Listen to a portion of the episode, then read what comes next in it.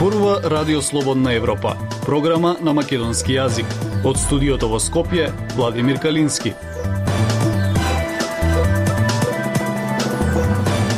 Почитувани ја следите емисијата на Радио Слободна Европа. Многу неодговорени прашања за автобуската несреќа во Бугарија, јавноста чека одговори од истрагата. Системските пропусти низ годините резултираат со несреќи со катастрофални последици во јавниот превоз на патници, оценуваат експерти. Нискиот капацитет на администрацијата ја сведува иницијативата Отворен Балкан само на средби на политичарите, велат бизнисмени. Слушајте не. Независни вести и анализи за иднината на Македонија. На Радио Слободна Европа и слободнаевропа.мк. Истрагата треба да утврди одговорност за автобуската несреќа во Бугарија во која загинаа 46 луѓе. Јавноста чека одговори за лиценците за превоз, сертификатите на возачите, техничкиот прием на автобусот, како и дали постои кривична одговорност. Истрагата за случајот ја предводи бугарското обвинителство во соработка со нивните македонски колеги. Известува Марија Митевска. Доколку истрагата утврди вина за автобуската несреќа во Бугарија, во која животот го загубија 46 лица, ќе одговара само собственикот на Беса Транс и евентуално други инволвирани лица, а не и фирмата, бидејќи законот не предвидува кривична одговорност за правни лица. Но фирмата може да ја загуби лиценцата за работа, бидејќи конкретниот автобус немал лиценца за вршење на превоз, која е потребна согласно законот. Од Министерството за транспорт и врски вела дека во овој момент конкретниот превозник има важечка лиценца со добиени изводи од лиценци за 4 возила и 4 возачи но според неофицијалните информации добиени од МВР, пожареното возило не е евидентирано во системот на Министерството за транспорт и врски, зашто стручните служби отпочнале постапка за одземање на лиценцата, наведуваат од Министерството. Истрагата за случајот ја води бугарското обвинителство во соработка со нивните македонски колеги. Обвинителот Борис Сарафов рече дека има две главни верзии за несреќата: човечка грешка и ненадејна техничка неисправност која довела до катастрофата. Кривичниот законник во делот за кривични дела против безбедноста во сообраќајот предвидува парични казни или казна затвор за учесниците во сообраќајот и за оние кои не се придружуваат кон прописите за безбедноста. Но во него нема одредба за тоа какви последици би сносило правното лице, туку само за физички лица. Законот за превоз во патниот сообраќај предвидува дека за вршење на меѓународен линиски превоз на патници треба да се има најмалку две возила и минимум еден возач по возило. Од Истанбул ко Скопје, како што беше информирана јавноста, патувале 4 туристички автобуси на Беса Транс. Фирмата има сертификати за 4 возачи и согласно законот тоа е доволно. Со еден автобус може да управува еден возач, но сепак како временски ќе се одвива патувањето и колку одмор ќе треба да користи возачот е регулирано со закон. Затоа според Билјана Муратовска од Макам Транс, превозниците испраќаат и по двајца возачи на пат за да немаат прекини во возењето. Во законот не пишува два возачи, него од самата практикување на превозот, еве исто и во превозот на стока, мислам, ке што ми е моја специјалност. и тука не е задолжително двајца возачи. Меѓутоа, ако мене клиентот ми бара побрзо да ми стаса стоката кај што треба да ја однесам, тогаш ја ставам двајца возачи, оти вика во рамките на 30 часа, они имаат само 9 часа пауза. 21 час можат да да возат прекинато со менување. Доколку тоа е случајот, со сите четири автобуси излегува дека вкупно превозот го вршеле 8 возачи, но без Транс има лиценци само за 4 возачи. Владата во меѓувреме го задолжи Државниот инспекторат за транспорт да изврши вонреден инспекцијски надзор на Беса Транс. Министерот за внатрешни работи Оливер Спасовски изјави дека техничката, дека последната извршена проверка на техничката исправност на автобусот е на 5 октомври 2021 година. Од МВР вела дека техничкиот прием на автобусот го извршила фирмата Via Commerce Джилјал Дуел. Во тек идентификација на телата на жртвите, што тие ќе бидат пренесени во земјава. Слободна Европа. Следете на на Facebook, Twitter и YouTube.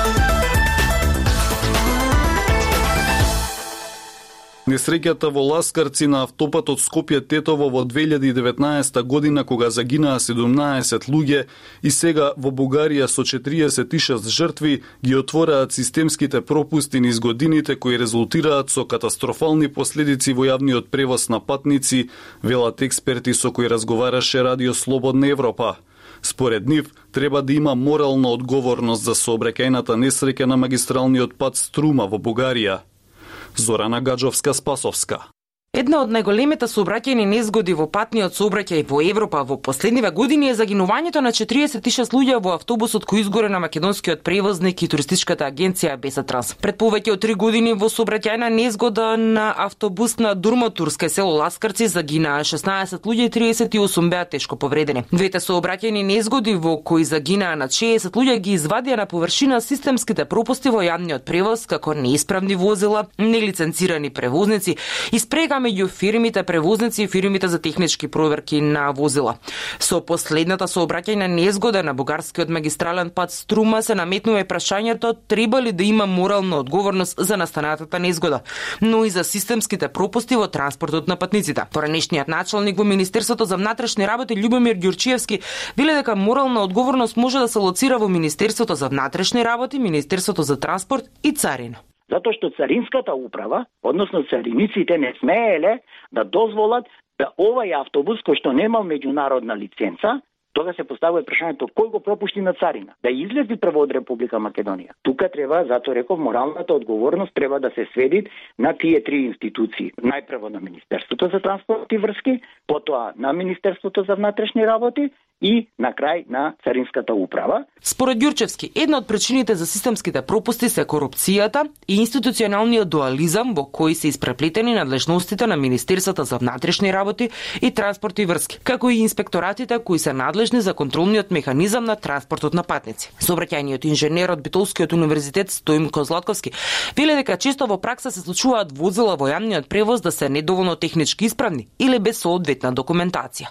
Според него необходна е почест постојаста контрола на автобусите, но и на останатите возила во сообраќајот. Три автобуси биле на таа компанија БЕСА со дозвола, четвртиот бил такав кучен на диво. Не сме тоа се случи. Значи дека него никој не му побарал дозвола, лиценца за тоа возило. Дали сме и не сме да врши превоз. Тоа се чести појави и многу ги има. Последната вест за сообраќај контрола на јавни превозници датира од 30 август годинава според која за само 5 часа полицијата открила 52 различни прекршоци кај комбиња, автобуси и такси возила кои вршеле превоз на патници на територија на Тетово, Велеси Штип.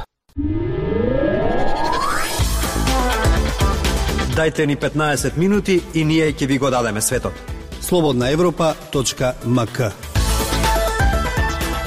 По повеќе од две години од како беше најавена иницијативата Отворен Балкан, епилогот е неколку подпишани меморандуми за соработка и најава за формирање работни групи. Иницијативата се сведува само на средби меѓу политичарите, а бизнисмени велат дека тоа е така поради нискиот капацитет на администрацијата во државите на Западен Балкан да ги спроведе политичките одлуки.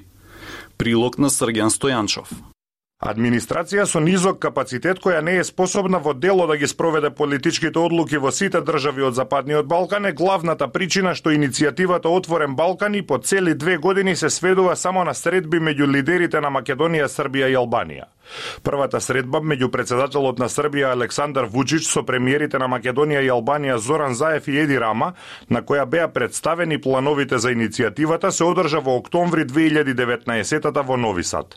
Од тогаш се одржа уште неколку средби меѓу нив, како и средби на министерско ниво и меѓу бизнисмени. Иницијативата си постави амбициозна цел до почетокот на 2023 година да нема граници меѓу трите земји и да има слободен проток на капитал, луѓе, стоки и услуги услуги. Сепак, после повеќе од две години, резултатот е подпишани неколку меморандуми за соработка и најава за формирање работни групи. Дрилон Сени од Стопанската комора на Северозападна Македонија вели дека ова покажува оти политичката волја не е доволна за спроведување на регионални и меѓународни спогодби. Имаме слаби институции кои можат да терат меѓународни договори, немат капацитет за да спроведат обврски преземани регионални. Така да тоа е рефлексија на на слабата администрација во сите земји од регионот и затоа не случајно сме од Европската унија. Пред повеќе од две години беше промовиран one-stop shop на граничниот премин Табановце, односно граничната контрола заеднички да се извршува на едно место наместо да се застанува два пати.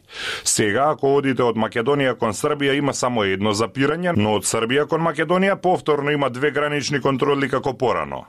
Билјана Муратовска од Асоциацијата на превозници Макам Транс вели дека за нив најголем проблем е долгото чекање на камионите на границите. Имплементацијата е проблемот, не е проблемот во некои решенија или Меѓутоа, ако се воспостави тој систем на признавање на документацијата, значи ќе се намали со повеќе работата на тој инспекцијски служби. Ако се признава сертификатот ветеринарен или фитосанитарен од Албанија кој трега стоката и во Македонија и во Србија, за да слемат дупло за станување. Меѓутоа тука се работи за надомест кој што се наплаќа од овие служби, па не лесно се откажуваат државите од некои средства кои што сега ги собираат. Владата очекува веќе од наредната година граѓаните да почнат да ги чувствуваат бенефитите од отворен Балкан. Култура и уметност на Радио Слободна Европа. Деновиве, како издание на театарска работилница Прилеп, од печат излезе првата и единствена антологија на македонската слем поезија. Во ова пионерско двојазично издание на македонски и англиски јазик е поместен изборот на слем песни од десетина домашни творци. Лјупчо Јолевски Цветанка Колева, Перо Сарджовски, Марија Грубор, Лиле Јовановска, Исто Кулчар, Игор Трпчески Трпч, Елена Пренџова, Гора Скитановски Кени, Афродита Николова и Аница Блажевска се десетте македонски слем поетеси и слем поети чии одбрани песни се најдоа во првата и досега единствена антологија на македонската слем поезија, што како издание на театарска работилница Прилеп излезе да деновиве. Станува збор за автори, творци чие присуство е бележето во земјава и во странство во последната декада. Така актерот и поет Игор Трпчески Трпче е главниот организатор на националниот слем надпревар што секоја година се одржува на 10 или 11 октомври во Прилеп и неколкукратен национален представник на Европска Македонското слем првенство. Колева и Сарджовски се дел од поетри слем тимот од самите почетоци на слемот во Македонија, Грубор е национална представничка на Европското слем првенство за 2018 година, а Пренџова за 2016, но и со организаторка и слем едукаторка. Горас Кени е националниот поведник за оваа 2021 година. Николова е активна на европската слем сцена и научно го истражува слемот, а Јовановска, Улчар и Блажевска беа високо високо позиционирани на раните слем настани во Македонија. Антологијата на македонската слем поезија е двојазична на македонски на англиски јазик. Препевите на англиски се на Сандра Афросиевска, Лидија Митовска Ѓорџиевска, Саджовски и Пренџова, а дизајнот на корицата е на Владимир Владимир Лукаш. Антологијата на македонската слем поезија е потврда дека слемот е веќе мапиран на македонската литературна сцена. Антологијата долги години стоеше во ракопис чекајќи го вистинското време на публикување и излезе точно 11 години по првиот одржан слем во Македонија, а во истата година, кога на пример и соседна Србија ја издаде својата прва слем антологија. Во однос на светот, Тековно Македонија е членка на Светската слем организација во која членуваат сите земји со активна слем сцена од сите континенти. Вели Елена Пренџова, инаку уредничка на ова објава. Таа и со дополна дека македонските слемерки и слемери повеќе време се присутни на интернационалната сцена. Веќе 5-6 години поред ние го испраќаме, односно ја испраќаме националната представничка на Европското слем првенство.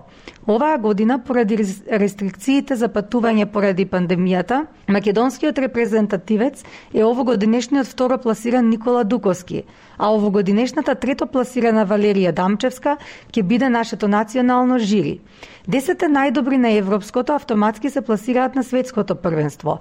Ова мапирање на македонскиот слем на светската слем сцена е благодарение на посветеноста и пред се квалитетот на македонските слемери и слемерки.